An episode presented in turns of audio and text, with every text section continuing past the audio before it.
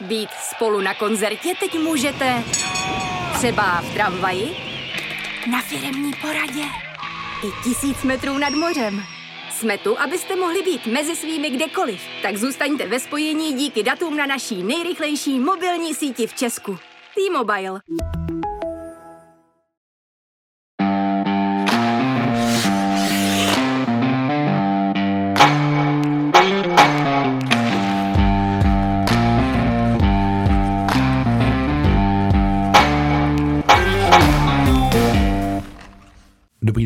Posluchači, vítáme vás u dalšího dílu hokejového podcastu za Mantinelem, který pro vás dnes připravují Martin Kézer a Jan Čkbor.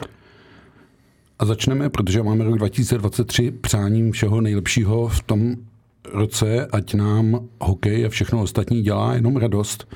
A musím říct, že začínáme velmi, ale velmi optimisticky, protože to, co předvedla hokejová dvacítka na mistrovství světa, já musím říct, že jsem hodně dlouho neviděl, trochu si říct, že jsem to eh, minimálně 18 let neviděl. No to taky souvisí s tím, že po 18 letech skončil medailový půst. A než se k tomu dostaneme a budeme se o tom stříbeném týmu bavit, tak pojďme si říct, čekal si, že se to mužstvo od toho srpnového šampionátu, kdy se dostalo mezi čtyři, ale pak vypadalo, že, jako, že je tam přece jenom velká mezera mezi těmi medailisty a Českem, že se takhle zvedne? Já bych si asi pomohl slovy Karla Gota, tohle to jsem opravdu nečekal.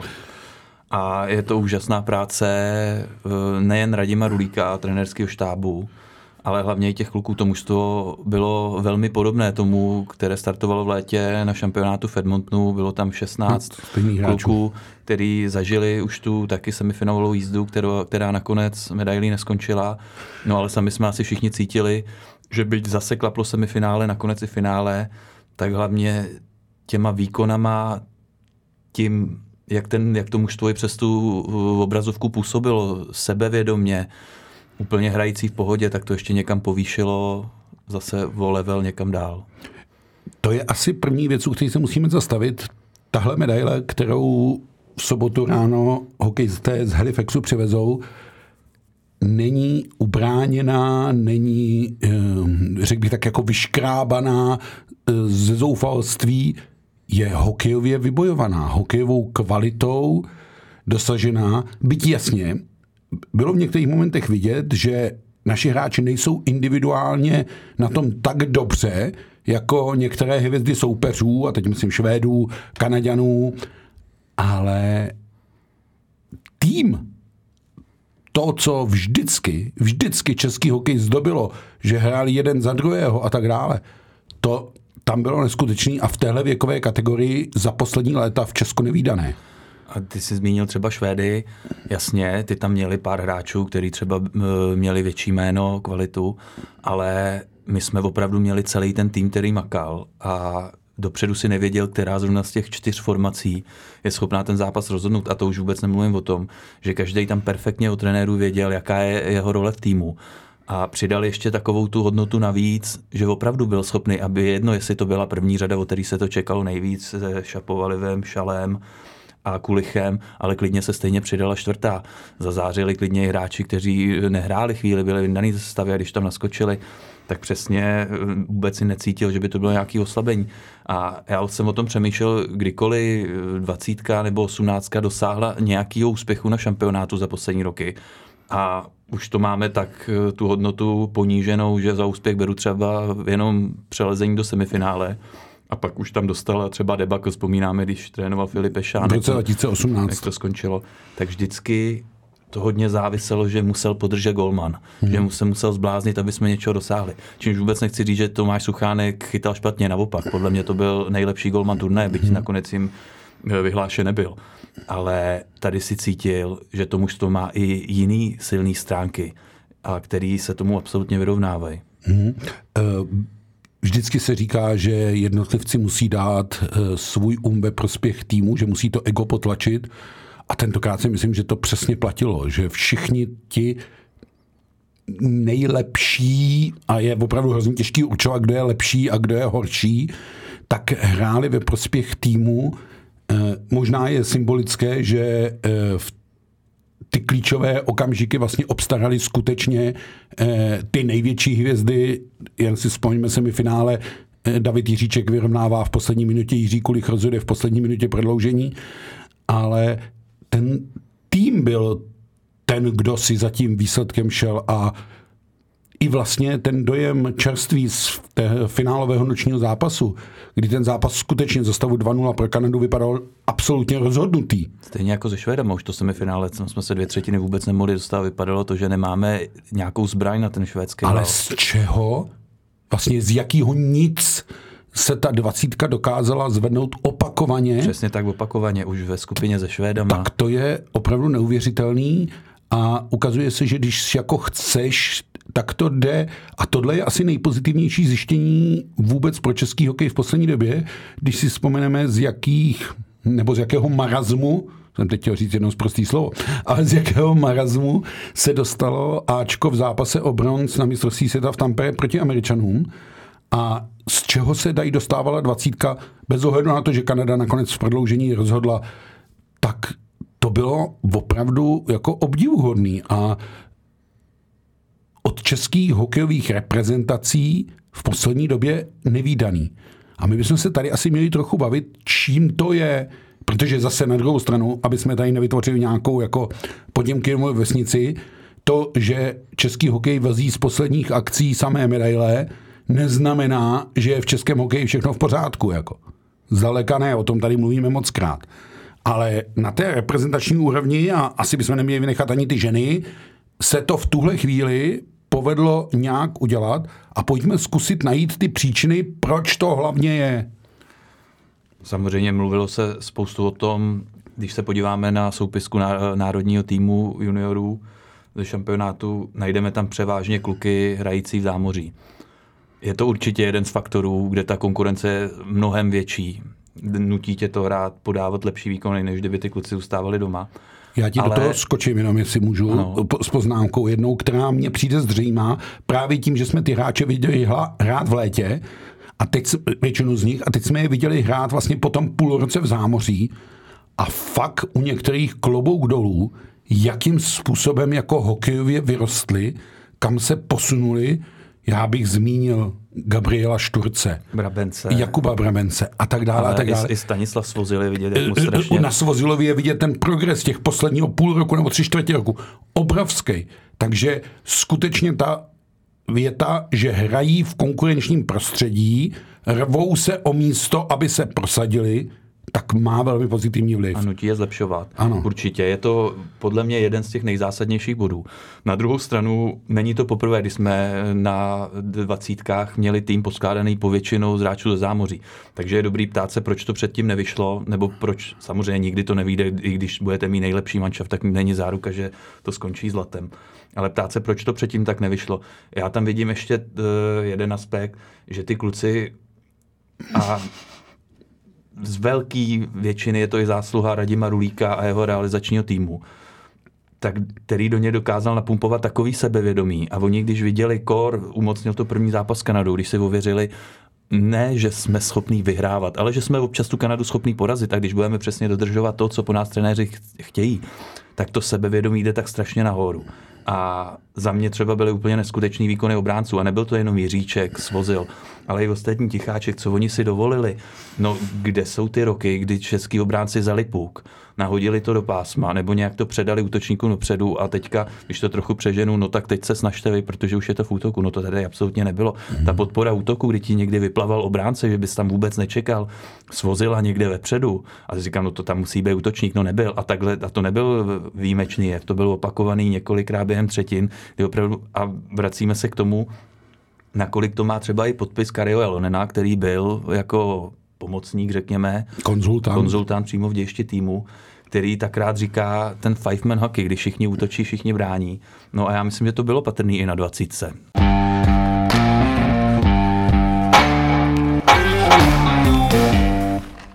Jo, e, já jsem taky několikrát v posledních dnech dostal otázku, jestli je tam nějak vidět jako ta Jalonenova spolupráce. Já bych řekl, že ano, a dokonce bych řekl, že Jalonen a Rulík jsou trenéři podobně naladění.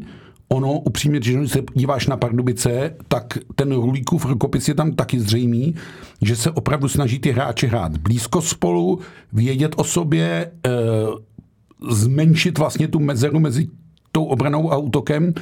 A ještě k těm obráncům, no já jsem zažil, a nebudu toho trenéra jmenovat, protože v současné době působí v extralize, e, jak křičel na obránce dvacítky, nehraj s pukem, ale zbav se ho. To Marek Židlický ani Radim Rulík rozhodně tyhle pokyny nevydávali a bylo to strašně vidět. Všech těch sedm obránců, kteří se točili v týmu, tak tu podporu, tu konstruktivní práci pro ten útok odváděli a z toho padaly ty góly. Proto mají ty obránci tolik bodů a tak dále a tak dále. No protože oni ten útok skutečně podporovali. A na oplátku ty útočníci se s nimi vraceli a opravdu to byl ten five-man hokej. Ono to vypadá, že tady objevujeme Ameriku, že se hokej hraje v pěti. No do jisté míry ano, eh, protože to je ten trend toho hokeje, že není až tak podstatné, kdo je obránce, kdo je útočník, ale podstatný, jak spolu, spolupracuje ta pětice na tom ledě, která se nám v tu chvíli potká. Jako jedna glosa, ono nebude asi těžký si zjistit, který trenér to byl, protože za tolik trenérů, který byli u dvacítky nebo jí prošli v extralize, není. Já to jméno neřekl. Ale uh, jak tomu chci říct, a ono to bylo i organizovaný, tam ty kluci dokázali vyhodnotit, kdy je možnost, že ty obránci vyjedou a na mě to působilo na dvacítku až neuvěřitelně, protože ten juniorský hokej vždycky Vyzra, byl zpět, vyzrále, jo, vždycky byl zpětý, že prostě občas tam jsou chyby, které jsme těm mladým klukům promíjeli a často právě kvůli těm s tím chybám ten hokej třeba i někoho bavil víc než ten seniorský, už svázaný víc taktikou. No já jsem dlouho neviděl takhle i takticky vyzrálej výkon v podání českého mládí. Hmm. A... Já myslím, že ta, to je důležitá věc, že ta taktická vyzrálost nebo ta kázeň, disciplína, ta tam byla tak zřejmá, že by ji mnohdy mohli obdivovat i dospělí. Hmm. A dvě, přičítal bych to dvěma věcem. Couchingu a kaučovatelnosti. To znamená, dobře odvedená práce od trenérů a ochota toho týmu nechat se v úvozovkách skaučovat, to znamená dělat to, co mám. Chyby se stanou vždycky. OK, je hra chyb. Nakonec, ale... nakonec veme si tu chybu, která předcházela nakonec rozhodujícímu gólu Jasně, podání a, Jiřího Kulicha. Jiří Kulicha, asi ho teď hrozně mrzí a uh, ono to bylo takové, až mi to přišlo vlastně strašně smutné, protože ty hráči udělali obrovský úspěch ziskem toho stříbra. I tím způsobem, jakým to finále vlastně ještě zdramatizovali a tak dále a tak dále. A pak bylo vidět, jak je všem strašně dobrýku. A... No, oni někteří i brečeli. No. David Jiříček tam dobře věděl, jak jsme byli blízko, dobře věděl, že to byla jeho poslední šance získat uh, No, zlato, o tom asi nikdo neuvažoval, ale když jsme mu byli tak blízko, tak proč o tom nemluvit, že jo? A sám věděl, že další šance už nepřijde. Oni by možná ty slzy za stavu 1-6, když to řeknu takhle, nepřišli, ale najednou ty hráči za toho stavu 2-2 cítili, že se jim povedlo to tež, co v tom prvním zápase. Kanadu znervóznět, zneklidnět a upřímně Eh, prodloužení se hrálo velmi opatrně, na rozdíl od toho zápasu se Švédskem. Hmm. Když Švédové měli spoustu šancí, tak tady to bylo vidět, že se mužstvo snaží, obě mužstva, snaží hrát hodně s pukem a nestratit. A tohle byla vlastně první věc, která vůbec to nějaký přečíslení přinesla, kdy na ledě byla trojice, pokud se nemím, kulik šalé svozil, kulik ztratil puk, šalé ho nedobrusil a svozil na to zůstal vzadu sám. No a ono jako všechna Česká naděje, jak to se hrálo, protože když Jasně. jsme viděli ty opakovaný záběry, tam pak lehal do střely, jo. tam šalé byl blízko, aby to vypíchnul, to byly jo. na milimetry. Jo. Já, chci, já nesouhlasím trochu s Davidem Jiříčkem v tom, který hned po zápase říkal, že druhý místo si, že druhý tým si nikdo nepamatuje. Tohle si budou pamatovat všichni. Minimálně lidi u nás si to ano. budou pamatovat zámoří taky. Já ještě k tomu prodloužení, já si furt myslím, a už jsme to zmiňovali, přes 50 minut to vypadalo, že ta Kanada to má úplně jasně pod kontrolou a že vlastně hraje údržbu, to, co potřebuje, zastavou 2-0, kdy vešla. Když jsme pak vyrovnali na 2-2, tak na všech Kanaděnech byla vidět, jak jsou opařený, jak hmm. najednou úplně vypadly z tempa. Byla obrovská škoda, že zhruba tu půl minutu před koncem, kdy se to tam v tom brankovišti ten puk. Že to tam dvakrát. někdo nešťouch. Ano. A teďka samozřejmě to je jenom moje domněnka, je obrovská škoda, že se prodloužení hrálo na 20 minut, protože si myslím, že kdyby tomu bylo na 10, jako tomu bylo v semifinále nebo ve čtvrtfinále, a nenásledovala ta 18-minutová pauza, ale jenom 3-minutová, hmm. tak ta Kanada by se tolik nesklidnila. Hmm. Takže je, přeci je, jenom je, se odcházelo do kabiny, trenéři mohli uklidnit. Kanadu ta dlouhá pauza srovnala. Ano, a, a pak ano. bylo vidět, ta Kanada je srovnanější. Pak je otázka, jak by to vypadalo během 10 minut prodloužení, ale to jsou jenom kdyby a nemá smysl asi to řešit, prostě jsme stříbrný.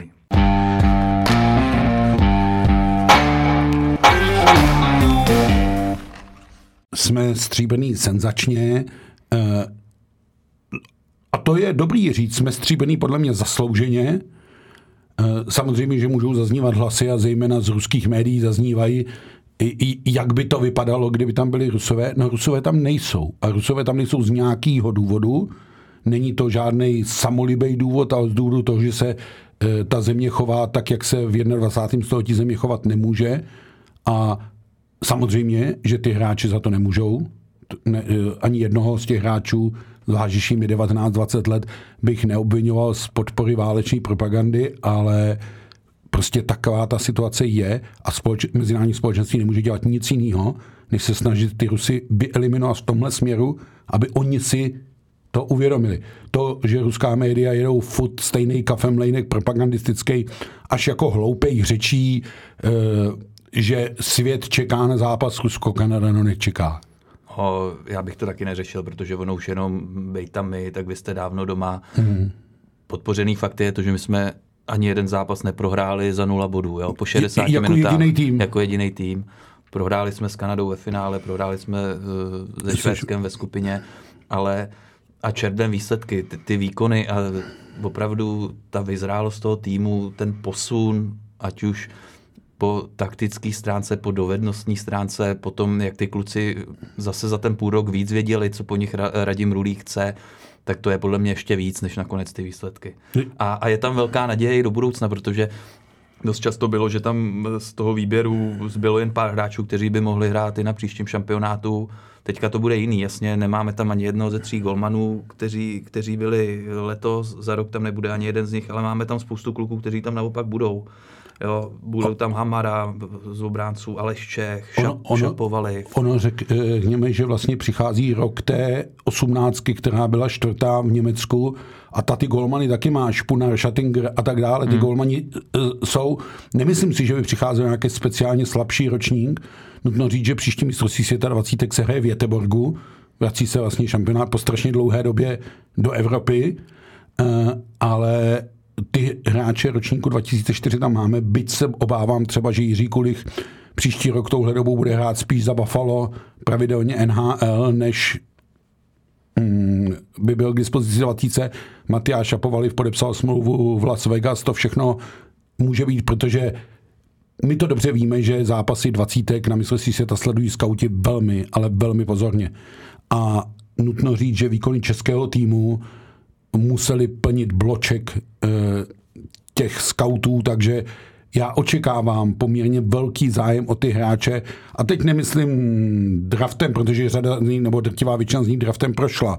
Byť jsou tam hráči, kteří draftem hmm. stále ještě neprošli a projít můžou, ale ten zájem o ně e, bude veliký. Nakonec se ukazuje, že Eduard Čale se zřejmě přece jenom vrátí, že nebude hrát hmm. kanadskou juniorku a přece jenom se vrátí do Brna. Ono, až e, v sobotu ráno ta dvacítka přiletí, tak to bude víceméně torzo dvacítky, protože přiletí realizační tým a pár hráčů, kteří působí v extraligových klubech. Vlastně a zbytek se dosprchne do kanadských juniorek nebo do nižších soutěží. A, protože a kde už začne hned v neděli v pondělí hrát, jo. přesně tak. No. Ale, ale do, můžou být, můžou některý kluci už být v NHL, stejně tak můžou být puštěný. Vemte si Kanaděna Gantra, který nám dal dva góly, včetně toho rozhodujícího. To je borec, který už má odehráno taky přes 20 zápasů, myslím v Arizoně. V Arizoně no. průměr, no. v Wright hraje za Seattle. Jo, Gunter průměr půl bodu na zápas, Ryder je za Seattle. A i tohle je super přece vysvědčení pro ty české kluky, že už nějakým, který, nějakým protivníkům, který jsou asi o krůček dál, už blíž NHL, některý už tam zažili, jak to v ní chodí, no tak stejně jsme jim dokázali konkurovat. To je bezvadný zjištění. Ještě se zastavme u jedné věci a to je, že v tom zápase nakonec vůbec nebodoval nejproduktivnější hráč turnaje Conor Bedard, což je jednoznačně velký generační talent a asi nemá draft 2023 většího adepta na jedničku než Conor Bedard. Frér, který mu je 17 let, takže on asi ty dvacítky dá nebude. To je přesně to, o čem ty jsi mluvil, že on Se mu stane. by, byť by mu hrát, tak už bude někde brá, brází v NHL kluziště. ale je- vyhrál kanadský bolování s bilancí 9 plus 14. Ale nutno říct, a docela jsem si toho při tom finále všímal, čeští obránci na něj byli velmi důsledně připravení, hrozně rychle k němu přistupovali a v podstatě ho dokázali odeliminovat. Že má Kanada další jako hvězdy, které jsme zmínili, Ginter, uh, Wright, uh, Clark, uh, Roa, Ten Stenkoven, hráč. Fantilli, to všechno tam jako je, ale Bedarda se nám podařilo jako ubránit. Vlastně. No a podle mě byla výhoda to, co jsme si uráli ve skupině. De facto my jsme byli vedení jako domácí tým, Ano. Protože jsme měli víc bodů po té základní části a mohli jsme střídat podle toho, jak střídá Kanada. Ano. I tohle to byl krok, kdy Radim Rulík viděl, když jde zrovna na let Bedard, mohl tam to uspůsobovat sestavu. Jasně někde byli ty, který by tam poslal, poslal vyplivaný z předchozího střídání, ale častokrát na něj chodil třeba Hamara a bylo vidět, že mu to znechutili. Z- z- Zrovna Hamara je přesně ten typ obránce, který vlastně není jakoby moc vidět v produktivitě. On měl první bod, měl asistenci na ten náš gol, na 2-2, že jo, to byl vůbec jeho první bod na turnaj. A byl poslední český hráč, který byl bez kanadského bodu. No ale nikdo nemohl říct, že byl nejhorší. No, jako, vůbec jako uh, odved spoustu práce, je na něm strašně vidět, jak vyrostl tom, uh, při tom působení ve Finsku hmm. a tak dále a tak dále. Ještě se možná zastavme u jedné věci, padl nový rekord golmanský. Tomáš Suchánek kromě těch vynikajících výkonů má čtyři asistence. Byť Jakub Kovář to trochu uh, schazoval v extralize, že to jsou takové přihrávky obránci, který zakládá útok na modrou, ale je to další prvek, který do té hry golmanů patří a Venál se hrozně pěstuje, aby ten golman v tom momentu toho zakládání útoku byl vlastně tím šestým hráčem, aby vlastně nabízel tu možnost tu přečíslení. Jako. Zrychloval tu hru. Zrychloval jo. tu hru, přesně jo, já tak. to taky vidím. No, takže uh, z 0 plus 4 to na Golmana není vůbec špatná bilance a je to skutečně rekord, eh, je otázka eh, opravdu posuzování, protože jde ve směs o druhé asistence, ale to, já myslím, že ten uh, výsledek nemá cenu mluvit o tom, že kulik byl nejproduktivnější hráč, že t- ani ty hráči sami to, a zdůrazňovali to několikrát, nevnímali ty statistiky jako to podstatný, ale vnímali to, co odvádí pro ten tým Já ještě k tomu jednu vě- nebo dvě věci, o nich jsme se bavili už spolu. Uh, o jedný teda ne, to je včera mě potěšilo, nebo koukat, když si oba týmy po zápase podávali ruce, jak se právě už námi několikrát zmíněný Bedard zastavil u Svozila, u svého spoluhráče z Reginy Reginy, a několik desítek, no desítek ne, ale několik vteřin tam spolu stáli, on ho utěšoval, eh, Svozila, bylo to takový hezký, jo. A druhá věc je, já jsem ti to říkal včera, myslím, když jsem před semifinály jsme absolvovali online tiskovku s Radimem Rulíkem, tak my ze seniorských šampionátů dobře víme, jak se občas mlží, jak, jak trenéři tají, jak radši nic neřeknou v domění, že by si to soupeř v českých novinách nebo na českém webu přečet, ať můžeme si o tom myslet cokoliv. Tak Radim Rulík toho byl úplně přesným opakem. Ten všechno to, co cítil, tak sdělovali těm novinářům, kolikrát tak taktické věci, že normální fanoušek pozorující hokej by z toho stejně nic neměl. Radim Rulík to stejně řekl za mě palec nahoru, pro, pro kouče, který má obrovský podíl. A nejenom on se svými asistenty, protože kolikrát on, on tak pochvalně mluvil o Marku Židlickým, jak právě on je to, který piplá ty obránce, jak, on, jak jemu vděčí ty obránci za to, že šli nahoru. Stejně tak mluvil o Ondrovi Pavelcovi, který měl na starosti golmany. Jo. Sedlo si to prostě výborně nejen, nejen po té herní stránce, ale i po té trenérské. Ono třeba hodně toho golmana Suchanek odchytal celý turnaj. Odchytal sedm zápasů. To je nevýdaná věc taky. Ta sázka jako na jednoho golmana, oni to, dokonce Radim Rudík říkal, my jsme přemýšleli, jestli třeba na ten poslední zápas s Německem, kde nám relativně o tolik nešlo, nepostavit někoho jiného, ale pak jsme viděli, že ten Suchánek nemá moc práce a že je v pohodě, no tak jsme do toho nechtěli šahat. No, trochu ve mně hrklo v tom finále, když to vypadalo, Jak se že to je konečná, když už ve dvířkách stál eh, Daniel Král připravený. No taky jsem si říkal, no pro něj to musí být šílený, jako Mhm. mm. jak musí být nervózní ve finále před 10 tisíc, před 10 tisíc fanoušků domácích v hale, když na tom turnaji neodchytal ani, ani vteřinu a teďka tam jít za tohle stavu 0-2, když furt ten zápas byl ještě hratelný. A Tomáš Suchanek taky ukázal, jak hodně vyrost. E, teď nemyslím výškou, ale jak vyrost e, výkonem, kam se dostal, jak mu to angažmá v Tricity prospělo a tak dále. Opravdu z něj vyrost Golman, který byl velkou oporou a my o tom tady pořád mluvíme, tak já to asi zkusím pojmenovat. Mně ti kluci přišli vlastně hrozně dospělí. Což u dvacítky není typický, ale určitě se na tom podílelo to, jakým způsobem se s nima pracovalo. Takže ten kredit určitě tomu realizačnímu týmu patří.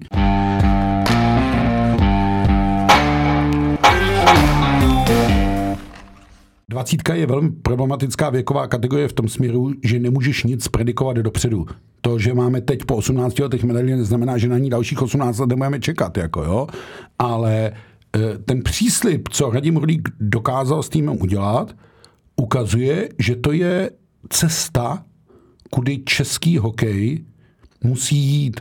On skutečně asi nebude schopen vychovávat 25 světových individualit, ale pokud těch pár individualit výjimečných typu prvního kola draftu v týmu mít bude a oni se dají ve prospěch týmu, nabízím paralelu tam Peret, Pastrňák a spol krejčí ve prospěch týmu, no tak ono to pak jako zafunguje. Samozřejmě, musíme si říct, že jsme měli štěstí v zápase se Švédy. Nemuselo se to vyrovnat a Švédové prožili, řekl bych, noční můru v zápase o bronz. No, ne dvě ve dvou dnech vlastně, jo. No, to, bylo, to byl strašidelný zápas, vyhráli 8-7 v prodloužení američani a jestli dva mladí hráči zešedivěli, tak to byli golmani, respektive tři, protože američani aspoň golmany vystřídali, ale hmm. švedové tam nechali Lindboma celou dobu to vyžrat a bylo to šílený. Jako, hmm. jo? A bylo to přesně ten typický zápas těch zklamaných týmů, kteří chtěli hrát úplně něco jiného, ale zajímavý bylo,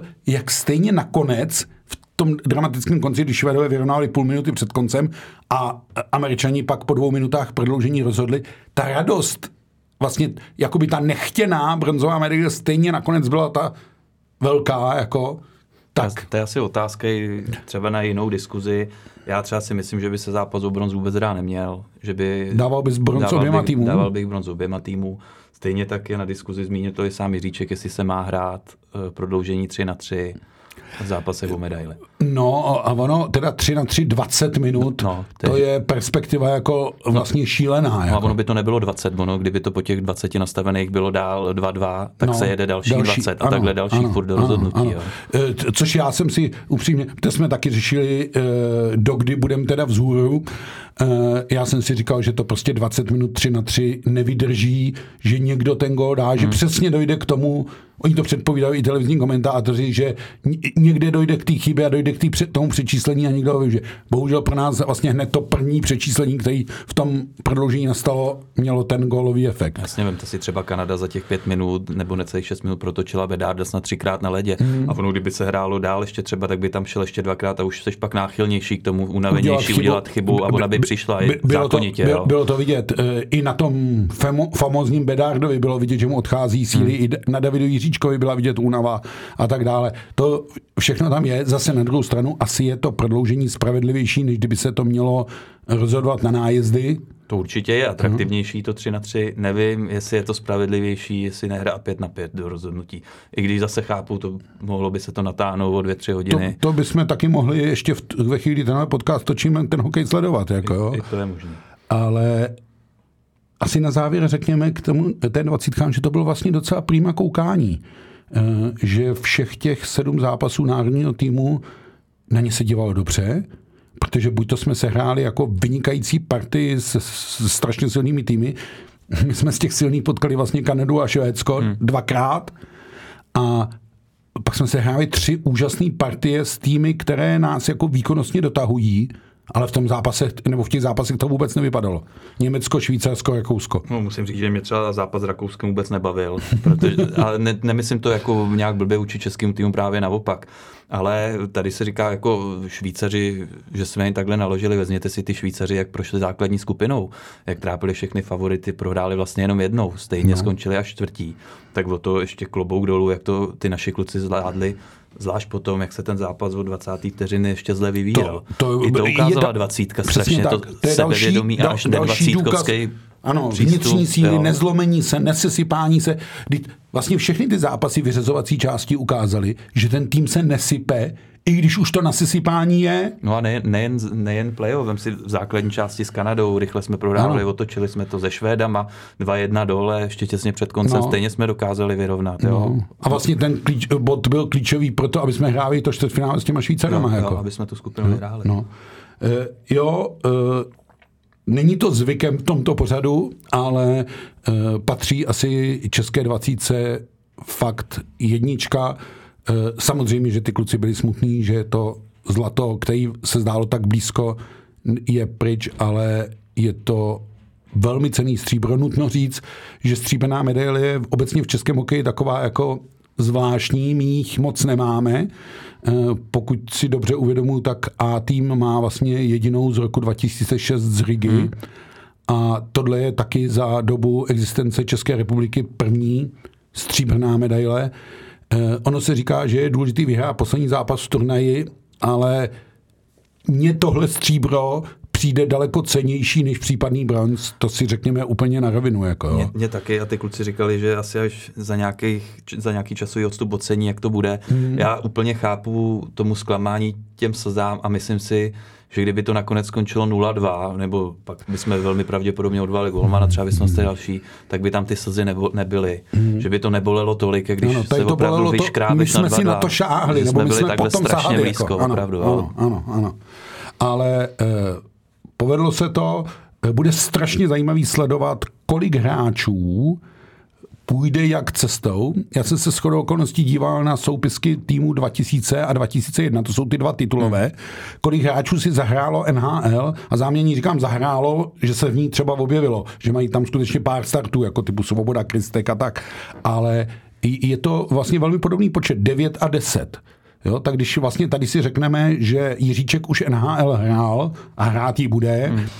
Kulich je tomu velmi blízko, tak si myslím, že se k nějakému číslu 9-10 taky klidně můžeme dostat. Jo, já si myslím taky, a ono třeba i spojení, o Jiříčkovi jsem mluvil, taky čekám, že od příští sezóny by tam už měl být stálým prvkem sestavy Kolumbusu.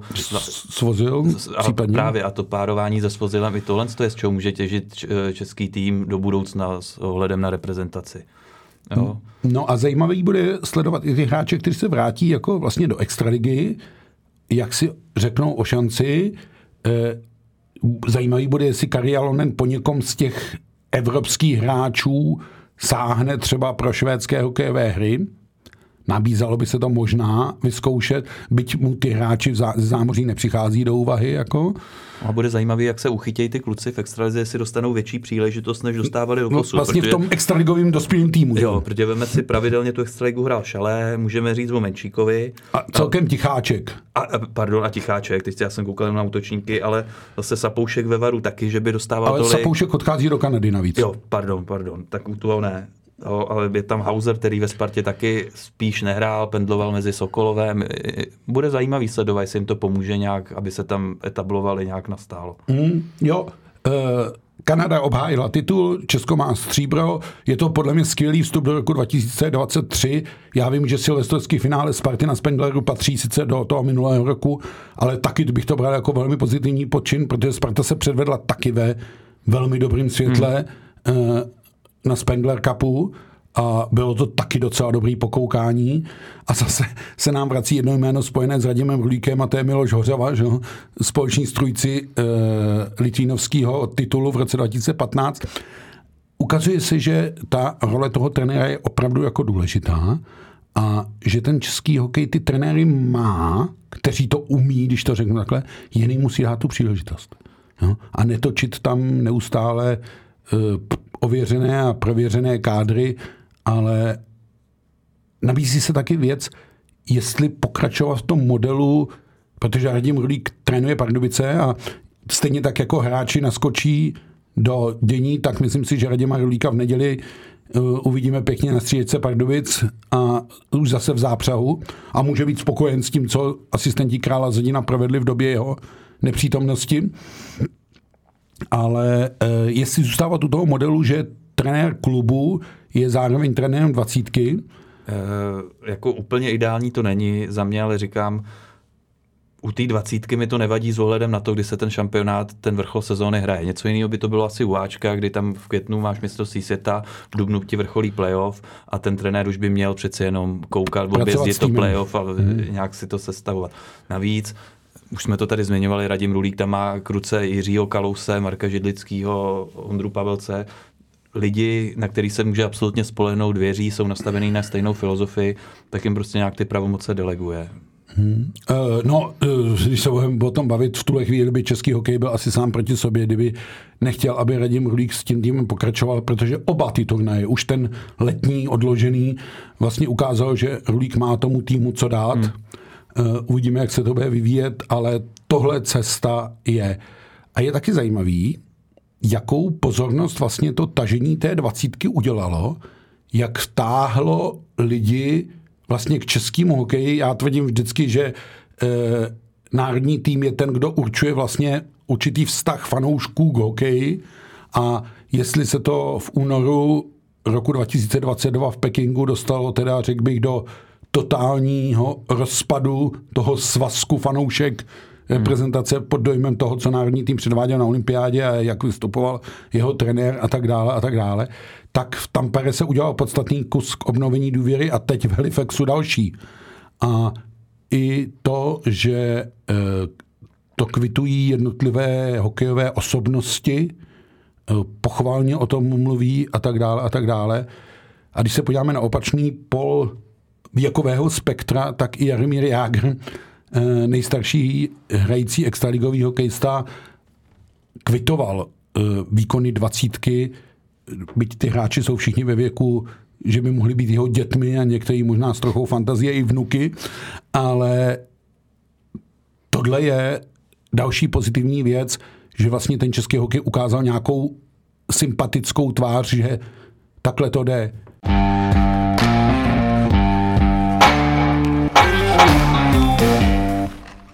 Když už jsme u toho Jaromíra Jagra, tak pojďme u něj ještě chvíli zůstat. Jaromír no, máme tu další zápis do dějin, že jo? Zápis do dějin, kdy se Jaromír Jágr po 50 se konečně dočkal toho extralivého gólu na navíc symbolickém zápase, kdy Kladno hrálo v drezech paní Poldy proti Plzni. Vzpomínám si, že jsme se tady spolu bavili a nazývali jsme už to takovým odcházením kariéry, odcházením Jaromíra Jágra. Ono na tom se asi nic nemění, sami cítíme, se to přiblížilo, ale ty si čekal po tom, co tak strašně dlouho nehrál a já už jsem pochyboval, kdy on říká, asi do toho naskočím někdy, tak on do toho na mý očekávání naskočil relativně brzy. Hmm, a, a vlastně trošku z nouze ve chvíli, kdy Kladno se dostalo do situace, že opravdu ne, stěží dávalo dohromady sestavu. A pro mě teda dost nečekaně hmm. výkonama, co předvádí hmm. na ledě, nevím, jak to hmm. vidíš ty. Jo, ta, uh, jestli dobře počítám, tu je kanonský bodování 1 plus 5 z nějakých 5-6 zápasů. No, to je jako úžasný a já jsem tady říkal už několikrát, já jednou budu vyprávět vnoučatům, že jsem viděl hrát Jágra, Blbý je, že možná i ty vnoučata budou říkat, dědo, my jsme ho viděli já taky. Ale eh, jo, Jágr je naprostý fenomén. A řekl bych, že je to opravdu symbolický, že ten gol dal v dresu Poldy, v tom dresu, kterém vlastně dal ten svůj premiérový jo. a tak dále a tak dále. Takže eh, na Extraligu Jágr fenomén, úžasný, hrozně to té extralize pomáhá, protože on tím hokejem ty lidi baví. Eh, on se to už jsme tady taky, myslím, říkal, Jaromír Jágr se s hokejem v podstatě oženil a eh, je to úžasný a myslím si, že pomáhá hodně i Kladnu. Kladno je sice poslední, ale tam je to dole namačkaný takovým způsobem, že stačí Kladnu jedny, dvě výhry a může to být úplně jinak a nejenom může myslet na playoff. Jak jsme se pořád bavili o tom, že v extralize je dobře, že tam není žádný tým utrhnutý dole, pak to v jednu chvíli vypadalo, že se tam to Kladno opravdu jako strhne dolů. No a teď přišla ta série těch tří výher, a zas to není, uvidíme, co teď uhrajou v Olomouci. Jako. No a teď to vypadá, že více jak polovina ligových týmů nemůže být v jistotě. Jo? V jistotě no. toho, že se, že se ho nebude týkat baráž, pokud se Pře- to bude dál takhle vyvíjet. Přesně tak. Tam prostě, když se podíváme na to, že deváté Brno, které nehraje zrovna nic moc, má 44 bodů a 14. Kladno má 38, hmm. no tak to je opravdu otázka dvou kol, kde se to zamíchá a máš tam namočených šest týmů a některý máš v zoufalý neformě, abych tak použil výrazy Václava Klauze. Podívej se, co předvádí mladá Boleslav, podívej se, co jsou schopni předvádět České Budějovice, Litvínov, hmm. to jsou, jako může být ta extraliga a už není těch kol tolik, jo, máme 35. kolo uh, se hraje v pátek, to znamená, máme před sebou 17 kol, to hmm. není moc. Není, no, a ono pro každýho z těch týmů, který tam jsou namočený, je vlastně pozitivní zpráva, že v tom nejsou sami třeba s jedním, s dvěma týmama. Že podobné situace opravdu je tam spousta, takže když chytíš nějakou šňůru, tak se z toho velmi pravděpodobně dostaneš. A, no a naopak, když chytíš nějakou opačnou šňůru, co se třeba děje Litvínovu čtyři prohry v řadě. No nebo Boleslavy. No, jo. no tak Boleslav uh, vůbec a dělá takový zvláštní kroky. Já jsem trošku z Boleslavy jako překvapený, protože zajímavým způsobem mění hráče, hlavně odvolá trenéra, řekne, že ve čtvrtek oznámí nový realizační tým, pak se tváří, že čtvrtek vůbec neproběh, jako. Den zřejmě v Malý Bolstavi nezaregistrovali. No, zaregistrovali, ale asi se tam nikdo moc nehrne, nebo jak si mysleli, že to budou mít vyřešený. Takže tak... ta moje prvotní domněnka, hele, on v pátek proti té kometě bude stejně tam stát Petr Haken, se zdá být ti velmi pravděpodobný a, a že to je kruciální zápas pro oba týmy, jako. Jo? To je jasný tohle, no. Eh, já taky nechápu moc třeba tady jít s tou Spartou, když chápu, jestli Pavel Kousal nechtěl na Boleslavy dál pokračovat a od příští sezóny by do Sparty stejně šel, jako třeba jeho spoluhráč Najman, který taky má zamířit do Sparty po sezóně, tak rozumím tomu, že nějakým způsobem se hledá náhrada, ale jestli je ta náhrada v podobě být dvou hráčů ze Sparty, dvořáčka s Přibylem, ale už teď stejně ví, že po té sezóně se zase vrátí do Sparty. Tak je to tak spíš no, tak... zalátání děr, že on, než nějaká no. Eh, konceptuální práce, no. No, a Pavel Kousal to byl klíčový hráč Mladý Boleslavy. O, o tom žádná. A, a když te, te, slyšíš, jak sám ti říká, no já jim přeju všechno nejlepší, snad se z toho dostanou, ale vlastně tak jsem trochu rád, jsem z toho pryč, ta nálada je tam opravdu mizerná. Mm-hmm. No tak a no, bude to mít těžký Boleslav. Hmm. No, navíc e, pustili vlastně Kotalu, který tam trochu ztratil místo v sestavě, jestli jsem to dobře registrovala, e, půjde hrát do Vítkovic. Hmm tak nějak tak jako Boleslav si říká, ano, s tímhle kádrem to moc nejde, ale trošku hledám, s jakým kádrem to půjde. No, podívej že? se, pustí Berleho, který no. vypadá to, nemá čísla, nedává góly, nemá asistence.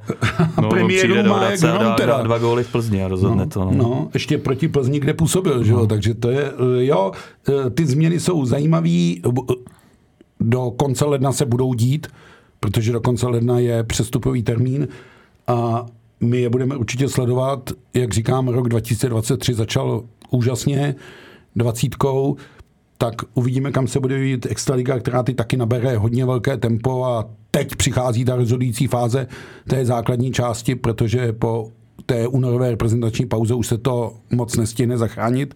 Takže teď se to bude rozhodovat nejenom o tom, kdo bude v té první čtyřce, ale o tom, kdo uhraje to 12. místo o to, kdo uhraje to 13. místo, což bude znamenat relativní klid, ale taky předčasný konec sezóny. A pak někdo, kdo se bude dívat e, dolů k první lize, jestli to tam ovládne v Setín, Poruba, Třebíč, nebo kdo vlastně bude soupeřem hmm. pro tu baráž. Čekají nás nabité hokejové týdny. Musím říct, že pod dojmem úspěchu dvacítky se na ně dá hledět docela optimisticky. Chodí docela velké návštěvy, takže se těšme na Extraligu.